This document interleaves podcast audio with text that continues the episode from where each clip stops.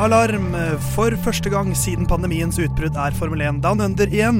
Vi går gjennom baneendringene i Australia og ser fram mot helgens Grand Prix. Las Vegas er også tilbake i Formel 1, fra og med 2023, da.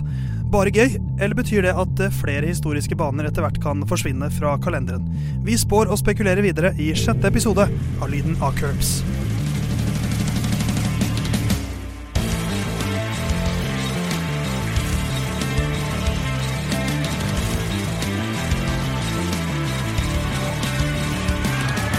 Lyden av Curbs hopper inn i en ny raceweek. Endelig er det løp igjen. Theis sitter bak spak og klaff denne uken også i eh, din nye favoritt eh, Formel 1-podkast og ditt nye favorittradioprogram om Formel 1.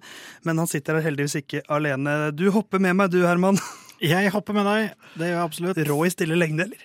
Det er jeg faktisk. Det er en av mine Ja, men det er det. Ja. Det er en av mine beste egenskaper. Ja. Eh, Stille lengde, stille høyde og 40 meter. Så det er null ironisk. Men du har ikke tenkt å være stille den neste halvannen timen? Eh, nei, det har jeg ingen ambisjoner om. Nei, ikke sant. Jon Halvdan, er du bedre med, i, i lengde med tilløp? Eh, Det er jeg faktisk litt usikker på. Mine friidrettsdager var eh, veldig, veldig mange år siden. Ja. Eh, Så det, Å, høres du gammel ut. Du Ja. er jo, du er jo 29-30 år gammel, er du ikke det? Ja, du vet, Nå er vi jo nå inne i andre uh, vårmåned, uh, som er også den måneden jeg fyller 30 år. Men jeg føler meg ordentlig snitt, for jeg må fortsatt gå med denne dumme parkasen. Det er altså Går du med parkas nå? Ja, det er så kaldt. Jeg orker ikke fryse. Jeg er blitt for gammel til å fryse, som jeg pleier å si. Tre gamle menn. Uh, tror du du kunne slått meg i stille lengde, eller med lengde med tilløp, Herman? Begge deler, kanskje? Eh, Begge deler. Jeg har jo ganske eksepsjonell eksplosivitet, Ja. rett og slett. Og ydmykhet. Men du har vel også uttalt at du har to spurter i deg igjen Ja. i livet. Ja, det stemmer. Så hvis jeg skulle måtte bruke de uh, abilitiesa Ja. mot deg, Theis, så hadde jeg ikke hatt mye igjen. Jeg er ikke så gæren i, i lengde, altså. Nei. Jeg var ganske bra, er overraskende rask. Men det her lukter jo SoMe-content, da. Det er jo ikke verre enn det. Bare Ja, ja. få slengt det ut. Alltid ment Herman, at jeg tar deg på 200 meter. Ja, det kan du fort gjøre. Ja, og kanskje på 100 meter òg. Nei, det tror jeg ikke. Det lukter SoMe-innhold, Ja. men det får bli en annen gang. Vi skal til, eh, til Australia primært denne uka i vår, dag, vår episode i dag. Eh, Men vi skal også litt innom din, ditt favorittland, Herman, nemlig USA. Ja, For du, er, du har fortsatt det som ditt eh, favorittland, og det er ganske kontrært nå for tiden. Ja, det er kanskje det, men bare maten i seg sjøl og så en kjapp eh, titt på meg, så, så skjønner man jo hva det går i. Så det, jeg skal jo faktisk dit nå i mai. Ja. Og spise meg fet, som man sier. Så, Til seters. Ja, ja, så det blir helt nydelig, det. Ja. Så vi skal altså primært prate om Australias Grand Prix, og, men også da om Las Vegas Grand Prix, som blir å regne med på Formel 1-programmet neste sesong. Så eh, gled deg til denne ukens Lyden av Curbs.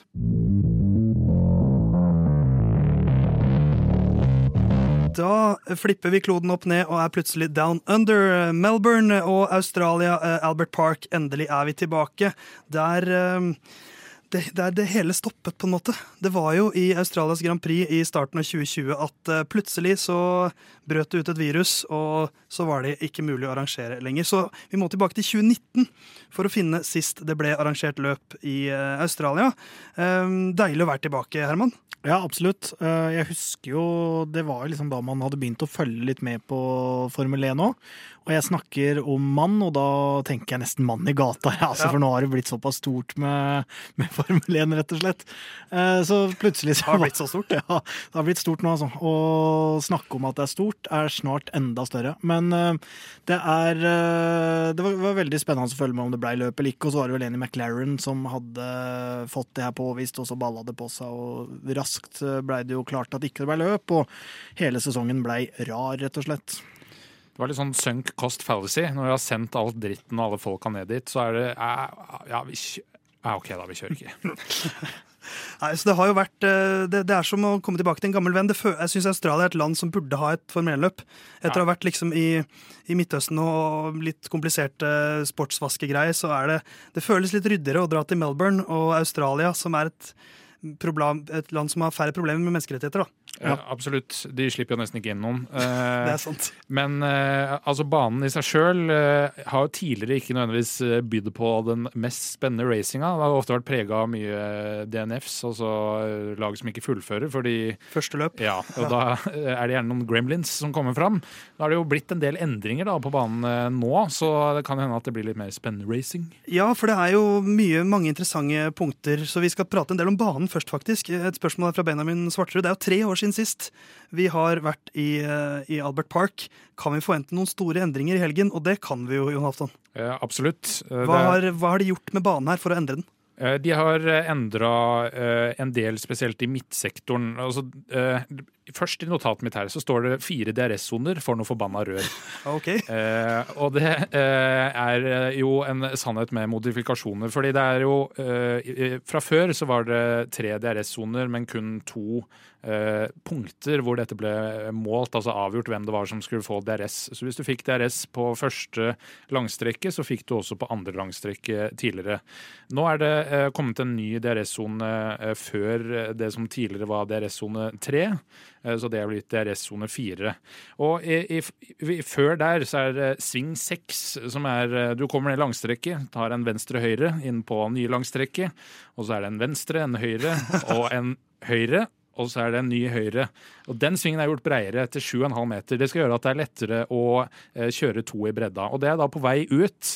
Eh, første, eh, eller tredje DRS-trekk, det nye DRS-trekket, som går inn i et en eh, S, eh, som, eller en sjikane, som er blitt eh, mer åpen. Som gjør at man eh, skal ha to langstrekk hvor man kan kjøre ganske fort eh, og tett, og ikke så Kanskje at det blir mer eh, forbikjøringer inn til eh, siste harde nedbremsing før eh, runden er ferdig. ikke sant? Så litt baneendringer for å gjøre det mer forbikjøringsvennlig. Det har vært en bane med mye Det har vært en, en eh, kvalifiseringspreget bane. Eh, Men nå har vi hørt eh, Jon Halvdan snakke om norsk politikk her med venstre og høyre hele tiden om hverandre. Ja, jeg vil gjerne Men- at du gjentar det Jon Halvdan sa, for det var så lett å få tak på En- akkurat. altså den- Ser du banen foran deg Jeg, nå? jeg gjør faktisk det, for Ja. jeg har kjørt mye Formel 1-spill her. eh, Og ja, da eh, visualiserer man jo disse banene som å se Aksel Lund Svindal før han kjører ned Kitzbühel stå og liksom dykke fra side til side. Det var meg i hodet mitt nå. Men eh, Herman, Mm. fire DRS-soner her, men bare to detection zones, som vil Ja. si at du kan få dobbel DRS. Eh, hvis du da er innenfor eh, ett sekund Plutselig så kjører du da forbi i den første DRS-sonen. Hvis du klarer det, så kan du stikke av med DRS i Mm. eh, to. Hvordan tror du det blir? Nei, Da kan det jo hende i hvert fall at vi unngår de her eh, bremsefadesene, hvor eh, det er sånn at man ikke vil først inn i de her eh, DRS detection zonesa, som vi har sett vel i begge de foregående løpa med Leclerc og Verstappen i sine dueller. Så det, det kan i hvert fall være kanskje at man fjerner det momentet. Og så er det jo også sånn at du får to forbikjøringsmuligheter. Da. Du kan, ja, du kan komme deg forbi og stikke ifra, men du kan jo også nærme deg med DRS-en, og så komme forbi på neste. Så det åpner jo for litt uh, muligheter, så jeg er ikke så negativ som han på andre sida av bordet her. ja, Men jeg tror jo det blir enda mer shithousery om å gjøre å ikke være først inn Ja, i den uh, mer køddekjøring. Ja, enda mer uh, her står vi på fire låste hjul Ja. for å ikke være først her. Ja, men det er jo, hvis det på en måte begynner å bli en del av, av racinga, så er jo det også enda mer eh, taktikkeri, da. Og det var jo ganske spektakulært, om ikke annet. Og kanskje ikke det er helt riktig racing, men det er jo litt spektakulært å se at det er såpass mye De racer nærmest om å Ja. ikke være først inn i Men det, det, faren er jo at det kan fordi at det blir mye, Man kan få flere forbikjøringer, men det gjør jo også at det kan gå inflasjon i forbikjøringer. At Mm. plutselig er det for lett. For mange mange mener jo DRS bør, har blitt litt OP, men nå har vi også sett to baner der DRS kanskje er ganske mektig. Eh, mens her i Albert Park kanskje får vi se eh, DRS slik som den er ment å være, at den gir deg muligheten til å kjøre forbi, men den garanterer ikke en Mm. forbikjøring. Det er jo det vi vil at DRS skal være. Ja. Ja, absolutt. Jeg er positiv til at ja. de prøver det her. Og jeg uh, syns jo den banen uh, fra Formel 1-spillet alltid har vært litt kul, men krevende. Det er noen såkalte hektesvinger som jeg vil anbefale førerne som hva er en hektesving, Herman? det er at du går litt for tett på rett og slett gresset eller omgivelsene. Eh, Gjerne da der curbs, curbs er. Ja. Går litt for tett på, og så uten at du helt skjønner hva som skjer, så forsvinner bilen inn i veggen. Og førerne som hører på det her, burde absolutt eh, ta mitt uh, tips til etterretning. Vær forsiktig der, altså. Ikke sant? Men Nå, nå er jo noen av de tatt bort, eller så gjør det lettere å uh, unngå hekte. Ja, Men ikke den faktisk verste, for den er ganske tidlig i starten der på spillet, For, for, å, for å nevne det. Men vi prata litt om denne altså After You DRS-sekvensen. Det, det, førte jo til for at uh, Louis Hamilton og Max Verstappen krasjet i, i Saudi-Arabia i fjor. Det kan jo bli um, litt i overkant mye lurekjøring, og plutselig så, så får man flere, flere krasj. Uh, Magnus Tune har et spørsmål om DRS-soner. med så mange DRS-soner, blir det mer kollisjoner av DRS? Eh, når det blir så viktig å ha DRS? Uff, det kan jo selvfølgelig være, fordi det blir jo Det er jo i så fall et nytt Altså et nytt hensyn førerne må ta, da. Eh, de er jo vant til å race og kikke i speilet og vite hva som er rundt seg. Hvis du plutselig skal gjøre det en annen del av, eh, av løpet, så kan jo det selvfølgelig være, men så er man jo litt sånn nå at litt krasj og litt incident incidents og sånne ting er jo bra for sporten. Du hater ikke det du, Herman. Nei, men jeg vil ikke Så lenge se, alle har det bra. Jeg vil ikke se stygge krasj. Jeg vil helst se Fine krasj. Vakre krasj. Nei, men se fair racing og at det er uh, tett på. Men da, men da gjør det jo også at det av og til vil være uhell, og det er jo på en måte greit. Ja, men jeg tenker jo at uh, nedover i midtfeltet, da, så det å skulle ta sånne sjanser som eh, Leclerc og Verstappen gjorde, hvis du er liksom fem-seks biler etter hverandre og gjerne to eller tre bredda, da er du kanskje litt for modig.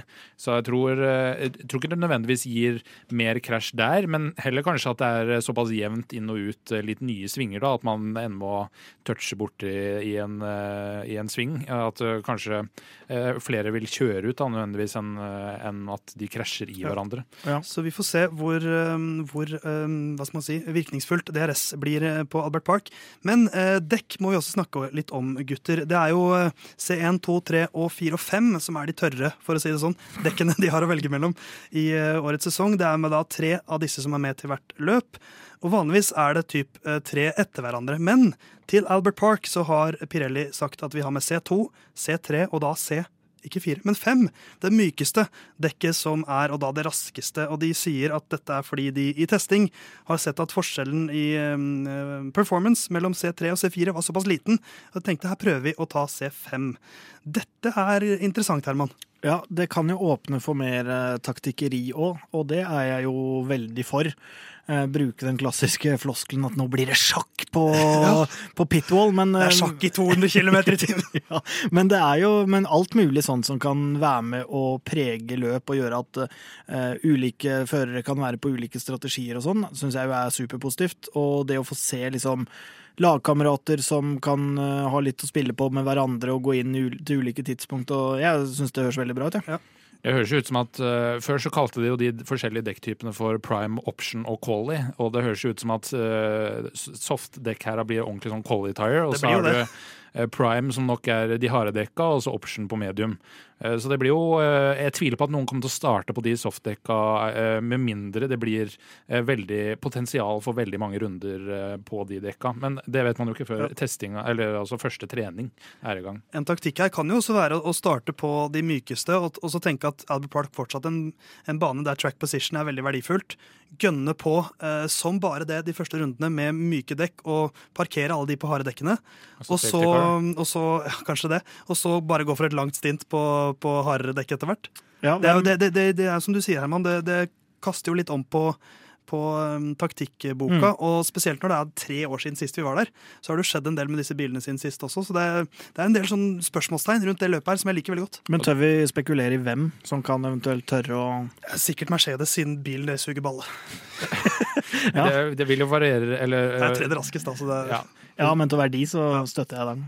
Ja, De kjører jo sjelden sånne ville strategier, da, så, og bilen deres til nå har ikke tatt vare på dekka så veldig lenge, så jeg tror ikke de har fått utnytta det så uh, noe særlig. Eh, jeg tror Det vil jo avhenge litt av kvalifisering, men type McLaren, da, som har uh, slitt litt i kvalifisering, men Norris som med god kjøring og noe flaks kom seg opp på poenggivende plass forrige løp, at de kjører en sånn strategi, hvorfor ikke? Uh, mm type Alfa Tauri, eh, en dårlig kvalifisert alpin. Has, kanskje? Ja, alle lag, egentlig. All, absolutt alle. Kan... Jeg tviler på Ferrari, eh, ikke Red Bull, eh, og vanskelig for å se Mercedes gjøre det. Okay. Det er, da har du der hjemme fått vite litt mer om hvordan banen er. Om noen strakser så skal vi prate litt mer om lagene.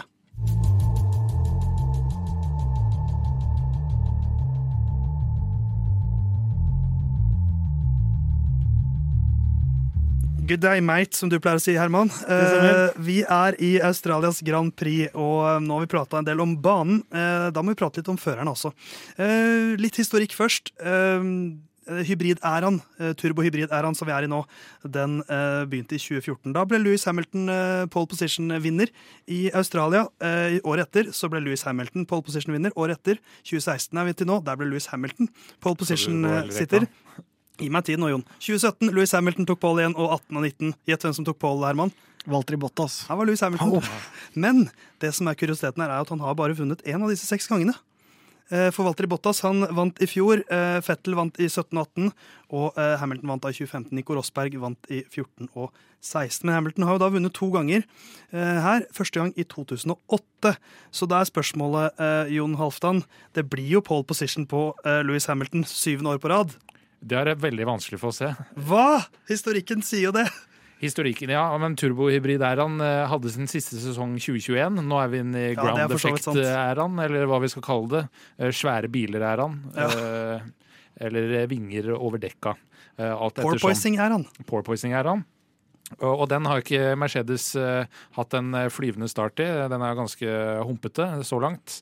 Og har eh, Altså, noen oppgraderinger kommer det nok, men Det er jo, nå er det jo to uker siden forrige løp, så da har man jo mått, altså, Men alle, det gjelder jo alle lagene. ja.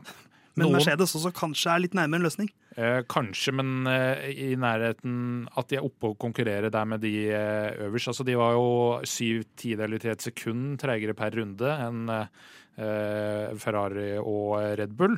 Så at de har henta inn så mye, men at det kanskje er et halvsekund, eh, tre-fire tideler, at man liksom er nede på noe sånn, kanskje.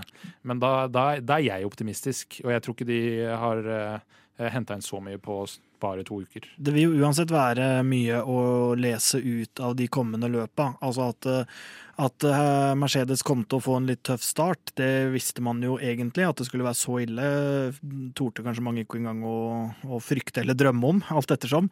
Eh, Men at, eh, at de faktisk nå klarer å forbedre bilen, er jo helt essensielt. Og at hvis de plutselig nå kniper så mye som Jon Halvdan her sier, så kan de jo plutselig nærme seg tetkampen når de kommer over til Europa og har de her varsla endringene sine. Men det er jo da spørsmålet, er det, er det da for sent? For nå har de jo, det er fordelen deres nå, at nå har de en del tid. Det, nå var det to uker til Australia, så er det to uker til Emilia Romania, og to uker etter det til Miami, og to uker til Spania. Men så kommer jo løpene litt tettere etter det. Um, Et spørsmål her fra Chris Kløv Andersen. Tror vi Mercedes kommer til å falle fra i kampen om førsteplass, eh, førsteplassen i sammendraget i år? Um, Kanskje er de med i kampen om se- løpseier etter hvert, men det haster litt nå. Ja, Klokka tikker. Ja, det er klart den gjør det, og jeg tror de kommer til å falle fra, ja. Eh, Spørsmålet er om de kan komme seg opp igjen. Eh, Det kommer litt an på hvordan de andre bilene gjør det, de andre laga, de andre førerne, alt sånt der. Eh, Men jeg har jo hatt en påstand om at de kommer til å komme, Ja. Og de har jo sjøl sagt Imola. Og jeg tror på den tyske bilgiganten, jeg. Så jeg, jeg tror faktisk de kommer til å vise at de er nærmere nå, og at eh, de kommer til å være bedre fra med Imola. I believe in Toto Wolff. Det har alltid vært ditt uh, Yes, det valgspråk. skal jeg kjøpe en T-skjorte med. Ja, det, det eneste de har for seg, er uh, imploderinga av Red Bull i Bahrain. Fordi på ett løp, uh, i, praksis, altså i praksis ett løp med tellende poeng, så er de nå ett poeng foran Red Bull. Uh, og de har da hatt poeng i to løp. Så altså det eneste de, eneste de har, er at de er bare ett poeng foran. Og alt jeg, alt jeg hørte der, Jon, var uh, Mercedes er en drittbil, men de er foran Red Bull. Ja, det kan du jo si, eh, men det er jo fordi ingen av de to Red Bullene fullførte første løp. Jeg det er ikke Mercedes sitt problem. Nei, det er jo heldig for Mercedes. Og, men jeg har veldig vanskelig for å si, se at eh, ja, når vi kommer til Imola, så er Mercedes-bilen såpass god at de vinner resten av sesongen. Det er helt uaktuelt. Ja, men det er jo, det er jo noe med eh, Og det, man kan godt spekulere i at det er urealistisk, det, det henger jeg med på, men hvis det viser seg at eh, bilen med, eh, uten sidepods er det beste Jeg sier ikke nødvendigvis at det er realistisk, men hvis det er sånn, så vil jo plutselig de sitte på en kjempefordel. da. Ja, men altså, Ferrari og Red Bull har to relativt forskjellige filosofier som er tett på hverandre. Og hvis det ikke har sidepods, eh, kaste seg inn på der. Men altså, de må vinne resten av sesongen, nesten. Fordi hvis du kommer til Imola, det har du kjørt i Australia også, og hvis de da begynner å nærme seg konkurransedyktige, men at vi snakker Spania før de er liksom helt der oppe, så er det ganske mange poeng å hente inn. Altså, de har allerede nesten 40 poeng på Ferrari å hente inn. Uh, og det er etter to løp. Det er en lang, lang lang sesong da, Jon. Det er jo Ja, men da, da må du vinne resten. Det ja, du må ikke Verstappen hadde jo omtrent vunnet halvveis i fjor, og så begynte Hamilton å plukke. Ja, men det fordra jo at man ikke fullførte noen løp. Ja, ja, men det, det går jo begge veier, på en måte. Altså, det, sånn vil det jo være. Så hvis, hvis hvis eh, Mercedes nå kan unnagjøre alle sine på en måte problemer da i starten Ja, jeg skjønner at man ikke kan garantere at man ikke bryter en gang eller to, men hvis de får bukt med alle sine problemer nå og blir den beste bilen, så ser ikke jeg noen grunn til at de skal være avskrevet i sammendraget etter eh, fem-seks løp. Nei, men øh, de kommer ikke til å ha den suverent beste bilen, tror jeg. Nei, det, For det må de jo ha hvis den ja, teorien skal ja, Det er veldig, veldig vanskelig for å se at de skal ha den suverent beste bilen, når uh, de uh, Altså, han som er sjefsingeniør uh, i Mercedes har sagt at poor er et fenomen vi ikke helt forstår enda. Vi vet ikke hvorfor det skapes. Eh, og mye av det kan henge sammen med ikke nødvendigvis no-pod-konseptet, no men f.eks. demperne som er helt nye i år, ikke hydrauliske lenger. Som gjør at de sliter med å uh, finne ut av hvordan For de hadde de beste demperne. Men nå vet de ikke helt eh, hvordan de skal løse det på et fornuftig måte som er minst like bra som resten, eller bedre. Så det er liksom mange ting her som de, ikke, som de må løse opp i. Men vi får se om uh, de er nærmere løsningen denne helgen, da. Uh, noen som ikke har like mange problemer, er jo Red Bull og Ferrari. Kan vi ta Red Bull først? Sergio Perez han var raskest jaggu i Saudi-Arabia og var litt uheldig i løpet. Men mange som spekulerer nå, eller ikke bare spekulerer, men som konstaterer at årets Red Bull er mye lettere å kjøre og mindre Verstappen-spesifisert enn tidligere Red Bull-utgaver. Uh, ja, det var jo oppløftende å se, se den prestasjonen fra Perez, syns jeg. Det er jo ingenting som er morsommere enn at man får litt sånn stridigheter i Red Bull. At det ikke bare blir Verstappen-show. Nei, det er jeg helt enig i. Eh, jeg syns det var veldig morsomt. Og han kjørte jo vitterlig bedre enn Verstappen på, eh, i kvalifiseringa, og fikk jo da pole, som han absolutt gjorde seg fortjente. Så tror jeg at hvis løpet hadde gått sin vante gang, at eh, Ferrari hadde tatt det. Altså at ikke, hvis ikke det hadde vært noe sikkerhetsbil i løpet som var, at, at Leclerc hadde vunnet. Jeg tror det, sånn det spilte seg ut, blei fordel Red Bull og Verstappen. Uh, Pga. pit-strategi og sånne ting. Men uh, veldig morsomt å se, og hvis Peres kan være der oppe og yppe, så kommer jeg til å bli litt mer uh, Red Bull-positiv enn det jeg er. Ja. Glad i en meksikaner du, Herman. Absolutt. Mens du, Jon, du er jo Verstappen-fan. Er du enig i min påstand om at det er mer jevnt mellom førerne i år enn tidligere? Eh, altså Det er nok en lettere bil å kjøre. Jeg har ikke helt kjøpt det der at bilen er lagd etter Verstappen, men jeg mener at han er et Eh, eh, har mer sånn naturlig biltalent, at han kan tilpasse seg mer enn andre førere. Altså Fettel for eksempel, er veldig sånn bilavhengig. At uh, han, visse karakteristikker gjør at han klarer å kjøre bra. Uh, men at det er jevnere nå, er jo bare positivt både for Verstappen og Red Bull. At uh, man har en wingman som er der også i starten av løpet. For det har jo vært Peres sin absolutt største svakhet i Red Bull-karrieren, er jo kvalifiseringa. Og det har han jo til nå vist at det kan man se ut til å fikse. Jeg tror dog ikke det er positivt for Verstappen, hvis man tenker eh, verdensmesterskap og sånne ting, at eh, hvis Perez skal være der oppe og, og kjempe i teten sammen med Verstappen eh, hele sesongen ut, så kan ikke jeg se for meg at det er eh, positivt for Verstappen. Altså, det å kunne være en sånn eh, hva skal jeg si, nesten en sånn ensom leder, da, eh, som kan bruke sin soldat litt ettersom, som på et godt nivå kan ligge der oppe og skjerme, og på et dårlig nivå ikke egentlig har noe, har noe der å gjøre. Så jeg tror ikke det er noen fordel for Verstappen, men for Red Bull tror jeg det er en fordel. Jeg, jeg, tror det er for Verstappen nå. Altså, det er som Hamilton-Bottas-dynamikken. Uh, det kommer til å være. Altså, god, altså Hvis Perez kommer opp på altså Bottas var jo bedre enn Hamilton i kvalifisering enkelte baner og enkelte ganger. Men i løps, altså race pace har han ikke det samme nivået. Det samme er jo med Perez. Han har ikke det samme nivået på race pace som det Max Verstappen har. Som gjør at det naturlig vil jevne seg ut. Eh, forutsatt at, eh, altså at, er man i en eh, faktisk tittelkamp med en av førerne spesielt, så vil det jo være enkelte prioriteringer. og det ryktes vel også at Verstappen har fått nyere deler enn Peres, nettopp fordi han er førstefører. Sammen med, men sammen med i Ferrari at. Leclerc har fått deler før Sainz. Så det er i hvert fall nå tidlig i utviklinga, så prioriterer man noen foran noen andre. Sånn må det vel kanskje være, men uh, du nevner jo Ferrari her. De har jo klaffet veldig bra så langt. Uh, mulig å ha fire podieplasser så langt. De har fire podieplasser, de, så der har jo mye gått veldig veldig bra. De leder uh, ganske klart i konstruktørmesterskapet, og Charles Clair leder VM med 45 poeng. Carlos Sainz har 33, Max Verstappen 25. Eh, Ferrari suser videre, Jon. Absolutt. Og eh, det er jo eh, en bil som har vist seg veldig solid, tar vare på eh, dekka godt. Som er kanskje noe av grunnen til at de tapte i Saudi-Arabia, fordi de brukte lengre tid på å varme opp dekka etter siste virtual safety car. At Red Bull fikk kutta ned den tida, av- avstanden altså mellom Max og Leclerc, ganske raskt etter da.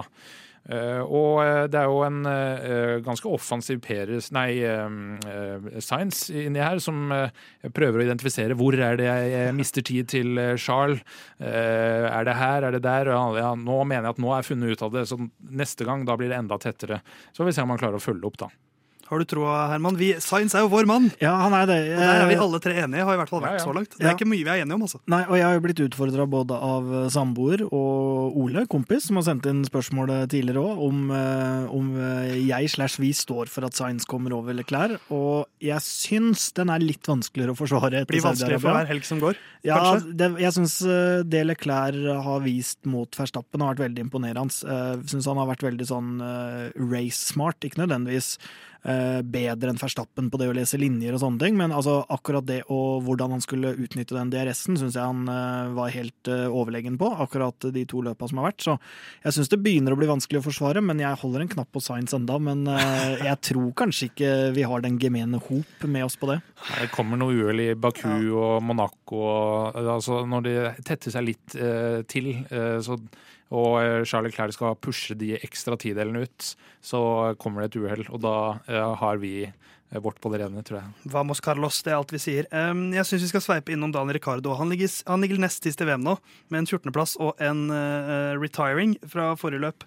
Eh, og hvis vi husker åssen det var sist det, vi var i Australia, så gikk det ikke så veldig mye bedre med han da. Første løpet hans i Renault eh, var det vel, og han begynte med å være litt for hissig på starten, mista vingen og endte løpet tidlig og endte ganske dårlig til slutt. Um, Det er jo en kuriositet det er at det er aldri fullført en australier på podiet i Australia. Nei, og- Eh, og det har vært australiere i Formel 1 ganske lenge. ja, og det blir vel kanskje ikke noe podieplass på Big Rick denne gangen heller, eh, Herman? Nei, det, hvis, de, hvis de fortsetter forbedringa fra sist, eh, så kunne man jo sagt at det er et håp, men jeg tror ikke det er et håp, og jeg tror kanskje ikke de får det helt samme løftet som, eh, som sist heller. Men det er jo kult med de her eh, førerne som er på hjemmebane. Da. Det, jeg syns jo egentlig det er noe som Vi snakka litt om det sist, eh, hvor man skal legge løp, og hvor man kanskje enda viktigere ikke skal legge løp. Eh, veldig kult å ha førere som har en hjemmebane og litt ekstra fans å bygge opp under det, men eh, Så jeg kan vi håpe på løp i Danmark snart, da. Eh, ja, jeg tror ikke det er så realistisk. Men jeg tror de som kommer for å se på Ricardo, kommer til å få seg en liten nedtur. For jeg tror ikke det blir noe podieplass der. Så vi får se. Vi skal komme med, Der fikk vi jo en liten spådom på tappen der fra Herman. Vi skal komme med flere spådommer ganske straks.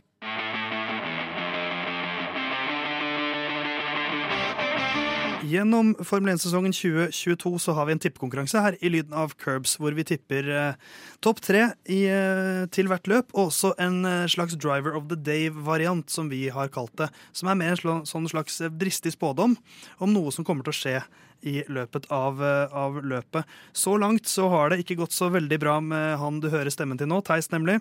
Han har plukket inn ikke så veldig mange poeng. Jeg har truffet på en spådom så langt, som er at Carlos Sainz ble nummer to i Bahrain.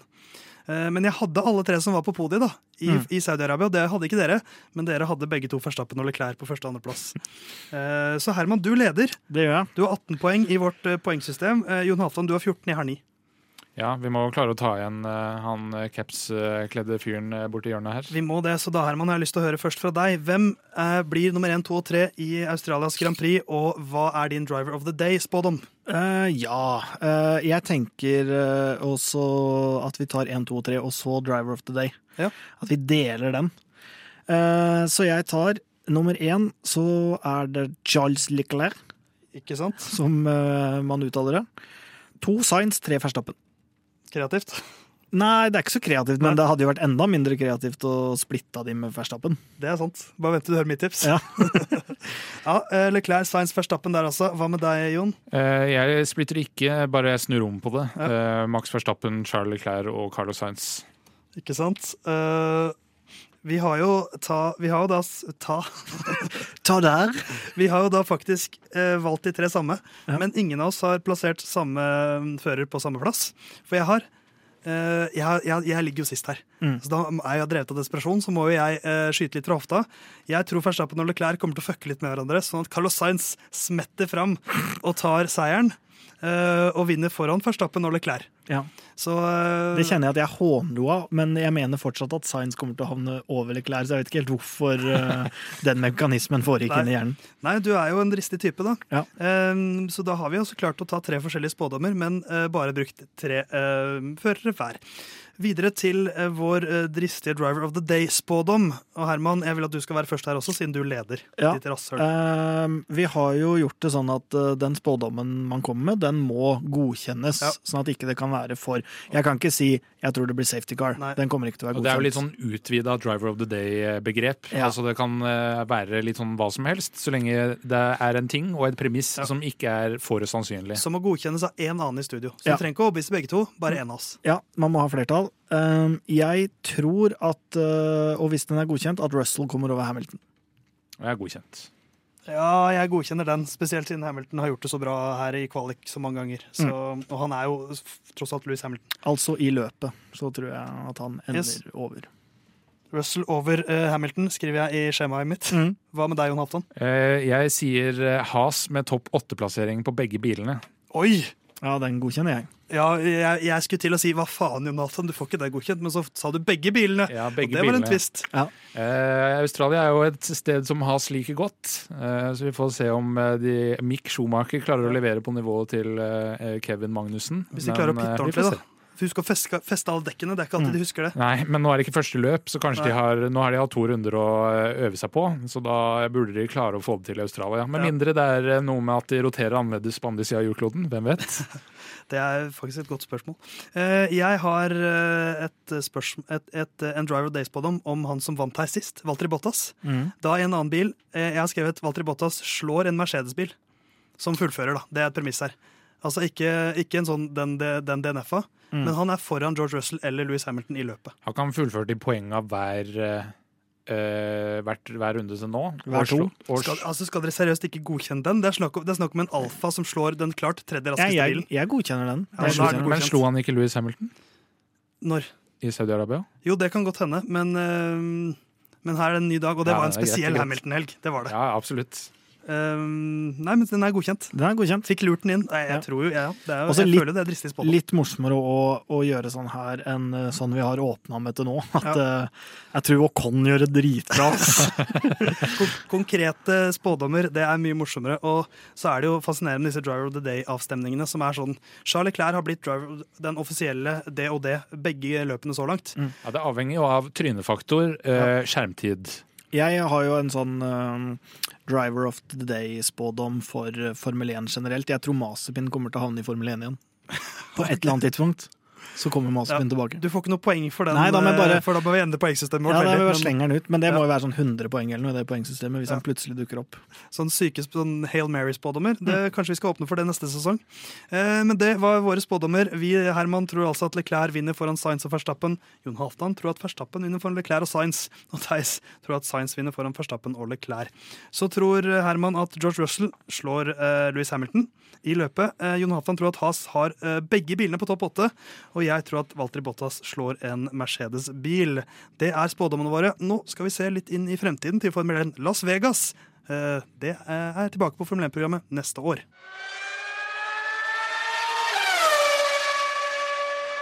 Vi har eh, sett litt fram mot eh, Australias Grand Prix. Nå skal vi se enda lenger fram, til eh, Las Vegas Grand Prix 2023. For vi skal nok en gang til et nytt sted i Formel 1-sirkuset. Las Vegas har hatt Formel 1-løp før, mens nå denne uka så ble det annonsert, eller forrige uke var det vel så vidt, at nå skal vi til Las Vegas sånn for alvor. Um, og Jon, fortell oss litt om hva vi kan forvente oss der. Det er ikke bare sånn på en parkeringsplass nå som det var sist. Nei, de skal jo kjøre ned The Strip, eller hva den eh, gata nå heter. Jo, Herman ler. Ja, jeg så veldig ukomfortabel ut det han som begynte å skulle fortelle The Strip. her, du er jo amerikaneren her, Herman. Ja, den, den skal iallfall bestå av 14 svinger. Eh, og jeg har sett på eh, banekartet, og det ser litt ut som en gris som rigger på ryggen. Og det er to Jeg sliter litt med det bildet, men jeg kjøper det allikevel. Nei, jeg skjønner det litt. Hvis du ser banekartet, så skjønner du hva ja. jeg mener. Men skal du ta det gjennom sånn som i stad? høyre, venstre, høyre, venstre? Nei, det skal jeg ikke. Jeg skal bare si at Senterpartiet og Arbeiderpartiet og Det er ett eh, langstrekke som er da på ryggen til grisen, og så er det to litt eh, kortere langstrekker. Ett på bakbeinet og ett på magen. Men det, men det, er da De skal ned the strip, som er vel ca. to kilometer så å si rett fram? Ja, og det er ganske lang bane. Det er 6,12 km og blir 50 runder, så ganske sammenlignbart med Saudi-Arabia, som vi var i nå forrige runde. Eh, og så er det jo nytt i år, da, eller neste år, at de da eh, på eh, bryter med alle europeiske tradisjoner og flytter løpsdag til lørdag. Stemmer. Uh, ja, jeg, hvorfor ikke? Ja. Tenker jeg. Nei, jeg det... Eller er du harnisk over dette, Jon? Nei, jeg klarer ikke å hisse meg så veldig oppover det. Det er ikke så prøver engang. Jeg hadde trodd det, at du skulle hisse deg opp over det. Nei, Dette er søndag det er søndag det handler om! Race day! Ja, hvis, altså, jeg skal vel ærlig talt si at det hadde jo tatt litt mindre tid det her eh, Formel 1-greiene hvis kvalifisering og løp var f.eks. samme dag. For det hadde ikke vært så strekt utover. Eh, så det kunne jeg satt pris på. Det som var ganske fascinerende da med denne lanseringsarrangementet til Formel 1, var eh, at det ble leda av Amanda Busik, som jobber i Fox News, som da klarer ja, å introdusere Greg Maffey, som er president og CEO i Liberty Media som eh, CEO og president i eh, Liberty Mutual.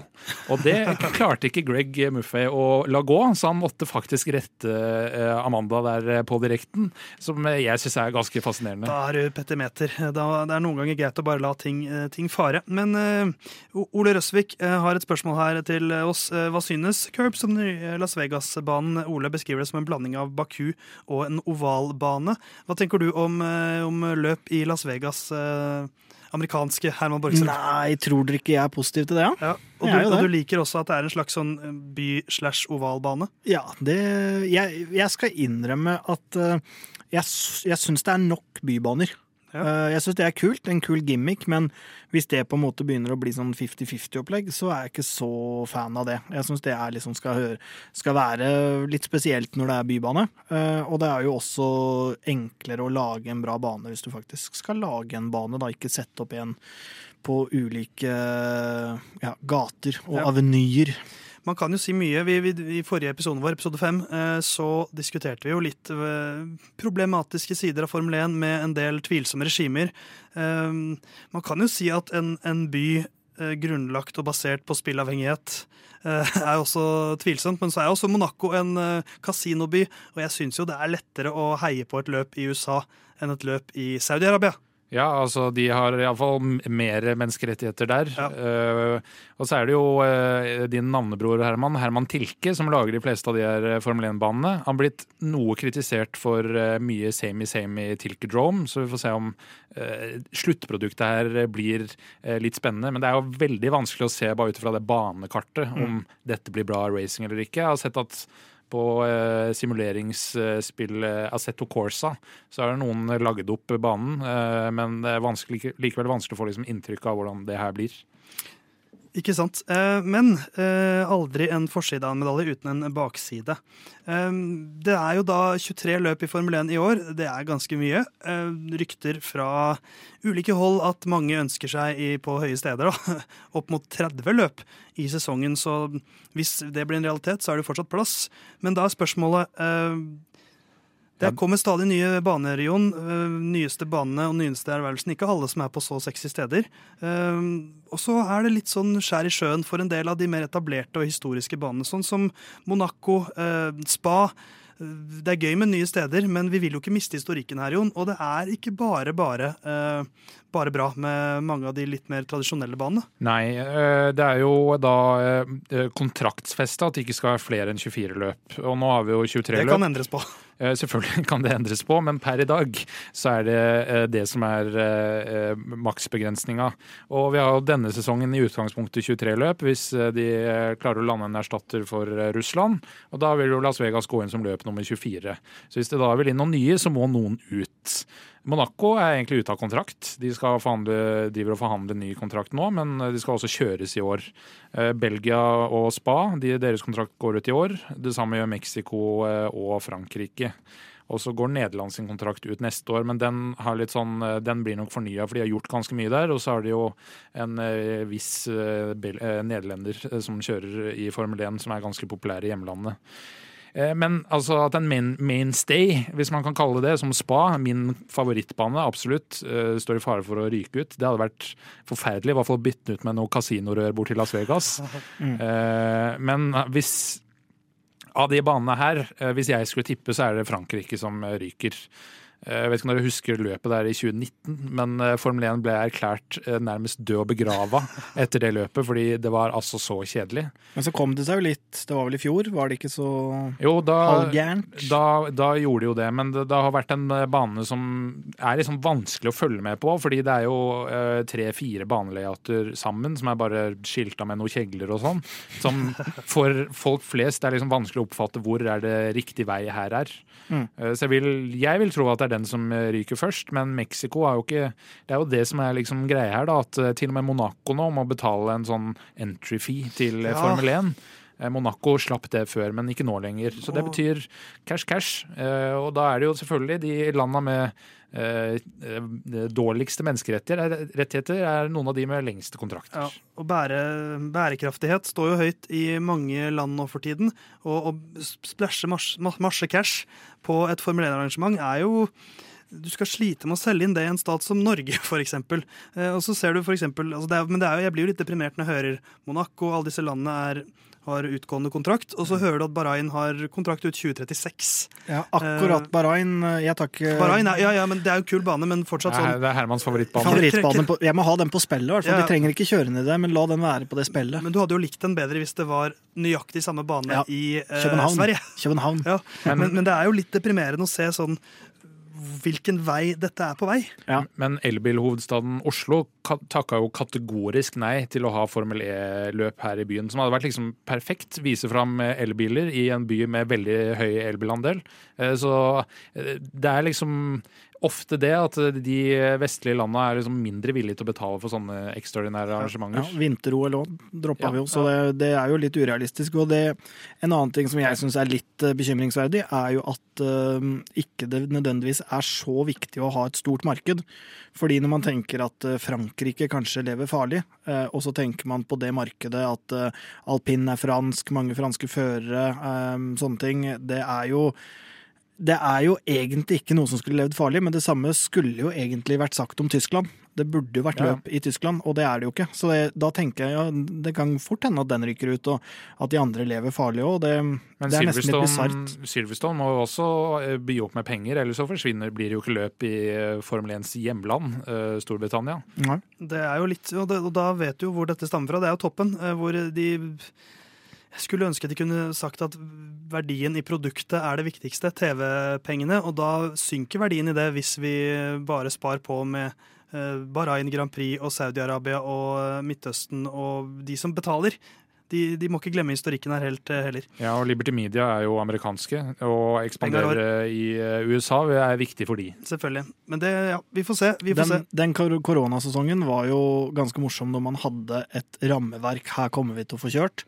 Og så var det litt sånn OK, men nå blir det lagt til Nå, nå skal vi ned til Imbola, nå blir det Tyrkia. Altså at man har ja, OK, nå er Portugal plutselig på kalenderen. Så i den ideelle verden så kunne man jo kanskje satt et rammeverk, da. Og så at det var en opptil ti baner som var bytta ut hvert år. Og så fikk man liksom at det blei mer en turné, da. Mer enn eh, lange kontrakter på alle baner. Jeg hater ikke det du sier der, Herman. Eh, nå har vi eh, reflektert litt over fremtiden til ulike baner. Eh, vi i Lyden av Curbs har en podkast-fremtid og radioprogram-fremtid, håper vi. Eh, og vi skal reflektere litt over oss selv ganske snart nå.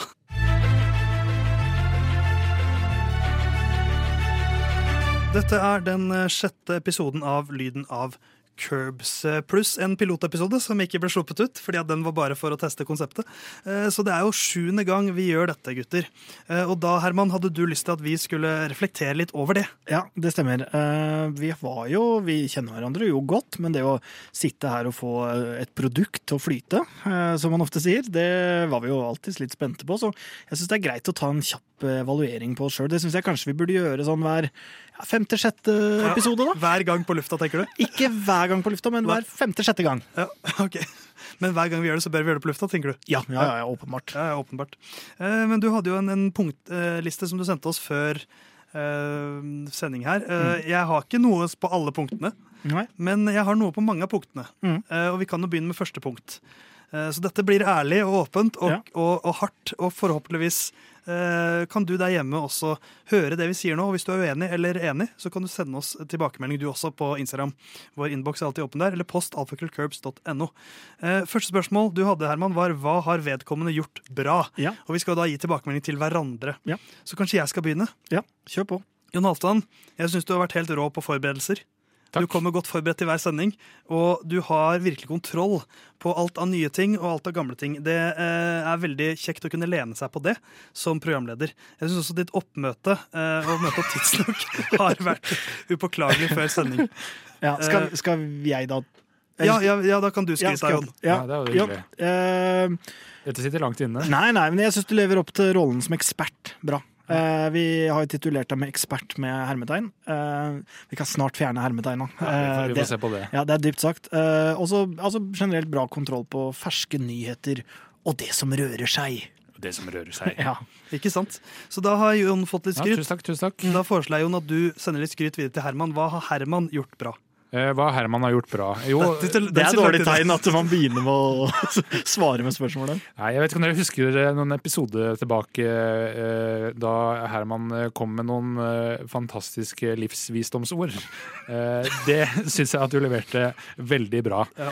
Og i tillegg så syns jeg at kvaliteten på det du legger ut i sosiale medier, er, det er skyet, altså. Så fortsett det. Eh, vi kan komme til eh, mindre bra eh, etterpå, kanskje. Ja. Herman, jeg syns du, eh, du er For du hadde jo rollen Idioten, Mm. tror jeg. Uten hermetegn. Og jeg syns jo du har mer blitt på en måte hoffnarren. Ja. For du er ikke en idiot. Eh, du har en, en mye større kompetanse her enn jeg trodde du skulle ha. og, og samtidig som jeg syns du skyter akkurat passe fra hofta. Ja. Uh, å, du det er på en måte ikke en idiot fra, som skyter fra hofta, Mm. men en som kan som skyter fra hofta bevisst. Uh, og så har du også mye selvironi eh, rundt eh, ting du sier, og det liker jeg godt. Bortsett fra når det kommer til stille lengde. Ja. Der er det ikke noe selvironi. Null selvironi og ydmykhet der. Ja. Fornøyd, Eh, Herman, med tilbakemeldingen? Jeg er fornøyd med tilbakemeldingen. Ja. eh, absolutt. Er det min tur, da? Eh, Jeg tenk, sånn Sjøl så tenker jeg at jeg skal skyte mer fra hofta. Så hvis jeg lå på en perfekt balanse, så kan det jo bli krevsomt. Det var kanskje ikke perfekt, men jeg liker hver gang du skyter fra hofta. Ja, sånn så fortsett gjerne det. Krevsomt kan det bli. Krevsomt kan det bli. Okay, Da er det min tur. Ja. Jeg har skrevet enorm programledelse. Takk. Det er uh, manøvrerer meg og Jon Halvdan til å faktisk eh, kunne sitte her og skryte av hverandre. Det er en prestasjon i seg sjøl. Jeg syns det er dødsbra. Det var veldig snilt sagt. Ja, jeg må følge opp det. Jeg har skrevet eminent programledelse fra A til Z. Eh, og i det så legger jeg jo da Du legger opp sendeplaner, leder programmet her for oss til å høres ut som eh, personer som klarer å sette sammen ordentlige setninger. Uh, klipper, og så sender du det til meg, og så tar jeg au òg, legger det ut. Ikke sant? Uh, så absolutt, fortsett det. Ikke noe altså upåklagelig programledelse. Takk. Um, da er Neste punkt på lista til Herman er hva har vedkommende gjort mindre bra? Mm. Og da kan jeg smelle tilbake til Jon, som nettopp har sagt veldig fine ting om meg. Mm. Jon, jeg synes du, du kan bli litt for teknisk av og til. og det er, jo, det er jo litt sånn Å, jeg jobber litt for hardt. type Type tilbakemelding. Ja. Uh, og det er egentlig ikke for, for For av og til kan det hende jeg ikke skjønner hva du prater om. Og da kanskje jeg bør bli flinke til å spørre også, men, eh, men pass på at du ikke blir for teknisk. Og det er jo ikke mer som skal til enn at du kanskje legger til en sånn forklarende setning også for lytteren der hjemme. Ja, Sånn ja. at vi ikke eh, blir for eh, stammespråkete. Absolutt. Pass, pass på stammespråket, tror jeg er tilbakemeldingen min. Ja. Jeg, jeg skyter inn på Jon. Uh, du skulle ha en rolle som objektiv. Det sliter du med. Og det er Jeg liker at de jeg hører snakke om idrett, er engasjerte. Jeg har ikke noe problem med det. Jeg, jeg tar det for hva det er. Men uh, Red Bull, Max Verstappen, det, er, det ligger ditt hjerte nær, altså. Ja, ja, men altså, jeg er helt eh, åpen på, på det, og forsøker å være objektiv. Ja, forsøker. Ja. Og så så jeg synes jeg, det, er, det er bra, fordi jeg skulle til å si vi trenger ikke forsvarstaler her nå. Nei. Nei, nei. Uh, og det var bra, fordi jeg skulle til å si at du trenger ikke det, Jon, men det gjorde du ikke heller. Så der var du igjen nok en gang veldig flink. Uh, men da, Jon, skal du få muligheten til å fyre løs mot Herman. Ja, fyre løs mot Herman. Uh, Jeg vil jo, om jeg skal si, gjort mindre bra. Eh, men eh, det har flytta litt lenger ned, eh, så vi kan jo da ta på eh, Vi snakka jo om eh, kvaliteten på det som deles i sosiale medier. Eh, hyppigheten eh, kan nok opp eh, på det som deles i sosiale medier. Ja. Det ble jo allerede for en uke siden lovt en video som skulle vært ute eh, for en uke siden, som ikke har kommet ut ennå. Ja. Det stemmer, og det, det verste er at den kom jo ikke ut i det hele tatt pga. teknisk svikt. Så Ja. det Ja, jeg ser den. Ja, jeg har også jeg har skrevet tre ord. Eh, det siste er sammensatt av to. Oppmøte og SoMe. Eh, jeg vet jo hvordan du er som person, Herman, så jeg var jo forberedt på at du ikke skulle møte opp først hver gang. Ja. Men uh, i dag var du flink. Ja, jeg var det, men jeg var heller ikke til tida. Nei, du var ikke det, men du var nærmere. Mm. Og SoMe forklarte jo eh, Jon Halvdan godt her. Ja, og det, det er jo egentlig noe jeg skal mestre. Det må man jo si. Men eh, nei da. Det, heldigvis er sesongen lang. Men nå, Herman, var jeg slem mot deg, så kan du være slem mot meg. Ja, jeg har eh, På en måte så går jeg brutalt til verks. På en annen måte så handler det ikke om programmet. Nei. Eh, Du har null av to i deltakelse på mine Formel 1-invitasjoner. Det har jeg. Og du har null oppmøte på online-spilling i det siste. Ja. Det er, eh, det er ikke bra. Nei. Det er ikke bra, Men det, det er deg, det. Det er deg bare, det. Det er ikke podkasten, Theis. Det er personligheten min, ikke hvem jeg er i studio. Så det er på en måte enda sårere. Ja, det er. Hva vil du si, Jon? Jeg kan jo henge meg på den, men eh, jeg har også eh, skrevet Og da trenger jeg ikke galt eller riktig, bare eh, konsekvent uttale på etternavnet til Dennis Hauger. Dennis Hauger. Eller Dennis Hauger. Jeg skal switche gjennom hele sesongen. Nei, det var ikke så ille. Jeg syns vi slapp ganske billig unna alle sammen. Ehm, største overraskelse var tredje punkt. Hva er det som har overrasket oss mest ved hverandre? Ja. Og jeg har lyst til å begynne med Jon her. Eh, du fikk jo rollen ekspert, Jon. Og at du taklet den rollen, det var ikke overraskende. Men jeg syns du klarer å kombinere det å være ekspert og samtidig være en morsom ekspert. Ja, Uten å miste eh, tyngden. Så det overrasket meg litt. Jeg, så ikke, jeg trodde du skulle være litt tørrere enn det du egentlig var. ja. For du er, du er, du er veldig morsom som ekspert, og det, det er godt gjort. Jo, takk, takk. Ja, jeg, eh, jeg hadde notert det samme. Altså at eh, Jeg hadde sett for meg at når jeg kommer med mitt, og det er på en måte riktig, når jeg kommer med noe rør, så skal jeg bli rettesatt. Det skjønner jeg. Eh, og alt jeg kommer med, er ikke helt spot on. Så det, det skal du bare fortsette med. Men at du klarer å liksom At det går an også å ha en morsom tone, det, det syns jeg er veldig bra. Men ja, jeg, nei, jeg har, det jeg har ikke noe mer. Jeg har ikke noe annet enn at det, var, det er morsomt. Eh, og da Takk, er, det vel, eh, da er det vel Herman sin tur, da? Kanskje? Da er det Herman sin tur. Eh, Og da er det jo eh, overraskelse er egentlig hvor eh, oppdatert eh, du er på ting som skjer, også mer sånn eh, detaljting. Eh, At det ikke kun er Drive to Survive du får liksom din Formel 1-kunnskap gjennom, men, eh, men også andre ting. Så det er jeg positivt overraska over. Jeg eh, har også skrevet kompetanse, men også hvor, hvor glad du faktisk er i, i eh, Mr. Stroll. Ja. Altså Daddy Stroll. Ja. Eh, Du skulle ønske han var din daddy, og hvor mye du skulle ønske det, det, er, det overrasker meg. For jeg visste at du likte han, men at det var så drøyt. Nei, nei, altså. det- Det visste jeg ikke. Nei, nei, det er spot on, det. Og hyggelig, for så vidt. Ja. begge deler. Like så hyggelig som at, eh, at jeg har et forhold til Lauren Stroll. Det var liksom Nei, men du skulle jo ønske det. Ja da, ja da, absolutt. absolutt. Um, men du da, Theis. Det er meg, det. Uh, overraskelse. Du banner ganske mye. Nei, men faen. Ja. Ja, det, jeg er litt overraska over det. Ikke, det er sånn kanskje to-tre ganger i løpet av sending så kommer en sånn eh, bare, så det, det setter meg litt ut. Ikke det gjør meg ingenting, men det er bare sånn Å, damn, yes, det er klemt til. vet du. Jeg, jeg fremstår så uskyldig, men jeg er fra Oslo. vet du. Ja, ja, det er det. Og så har jeg notert at uh, jeg er overraska over at du tviholder på de 100 meter-greiene. At du slår meg på det. Men, uh, men mest banning. Tar deg i hvert fall på 200. Ja. Ja, jeg må egentlig Altså, største overraskelse er tro- eh, det, altså det grove språket. Eh, hvordan eh, Altså, fordi eh, det, er- det er forskjell på meg av og på lufta, men eh, at du ikke tar deg sammen mer, syns jeg er litt overraskende.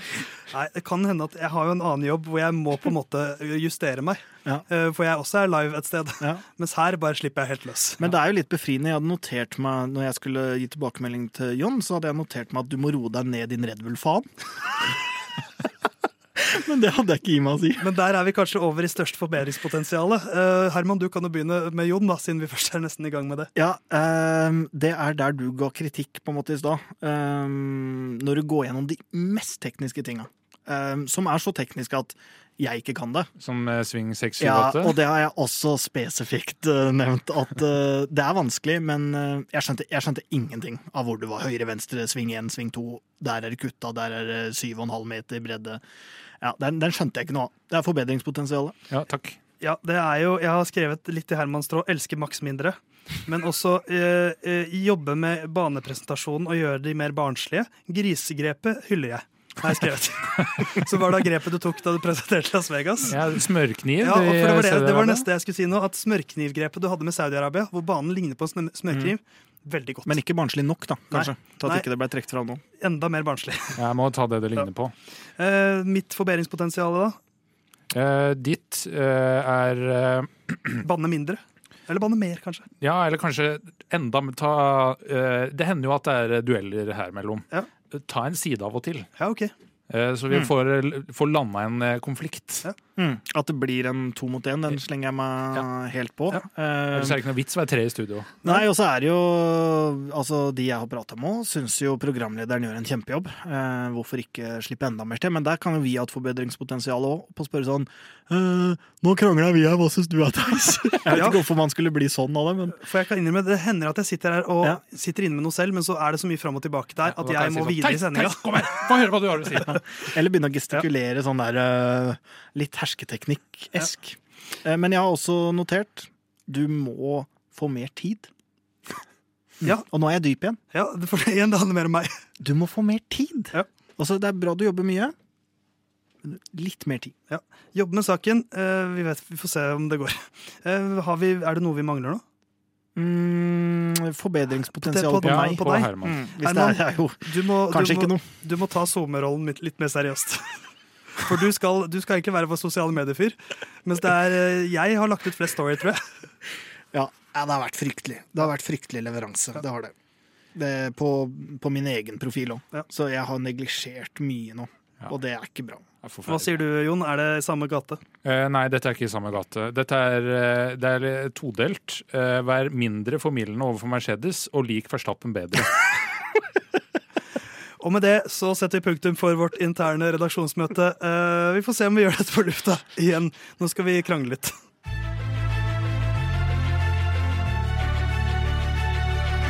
Vi nærmer oss slutten av dagens episode, men vi tar oss tid til et eh, litt sånn mer spøkefullt og useriøst spørsmål fra en av lytterne våre helt på slutten, også, også kalt Klaus Holm Fjellro, delen av programmet.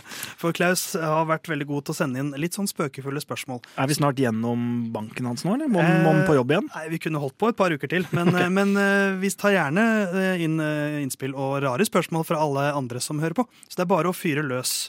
Men jeg tenkte vi skulle prate litt om Gunther Steiner og Christian Horner. For spørsmålet fra Klaus er hvordan tror dere Gunther Steiner og Christian Horner flørter? Hvem er best på det? Vi kan jo ta Gunther Steiner først. Hvordan tror dere Jeg tror han er veldig straight forward. Ja, ja det den, I like you. Jeg så ikke Jeg har jo sett spørsmåla da de kom inn, men den huska jeg ikke, og det er veldig vanskelig å begynne her. Og hvilken ende skal man Ja. begynne med? Jeg tror at eh, Horner er ganske sånn Jeg tror han er en litt kjip fyr, Ja, det- men jeg tror han har en softside. Og du tror det? For jeg, er Ja. sånn, jeg hadde ikke turt å gå fra drinken min hvis Christian Horner var i rommet. Da hadde jeg sagt til venninna mi pass på drinken min. For, for der havner det fort roofies oppi, tror jeg. Og så tror jeg han ringer ikke dagen der. Han ringer ikke. Altså, One night stand med Christian. Jeg og han drar hjem, har en flott uh, natt. Så våkner jeg, og så er han borte, og så får jeg, hører jeg aldri noe igjen. Det tror jeg er Christian Horner. Her, her må Jon Halvdan melde seg på. Han har bare satt seg For du tilbake Du elsker jo. Christian. Eh, nei, jeg Han er ikke en good Christian. Ja, om han ikke er Han er, ikke et, han er ikke en good Christian. Det er et godt ordspill. Ja, takk. Eh, Takk. Vær så Til, til, god. til meg selv, altså. Ja, ja, ja, jeg skjønner det. Men eh, nei, altså hvem som er best til å flørte her eh, Jeg syns jo altså, Gunther Steiner han har også en sånn litt sånn myk side, han òg. Men problemet er eh, litt sånn hvilket språk det her skal foregå på.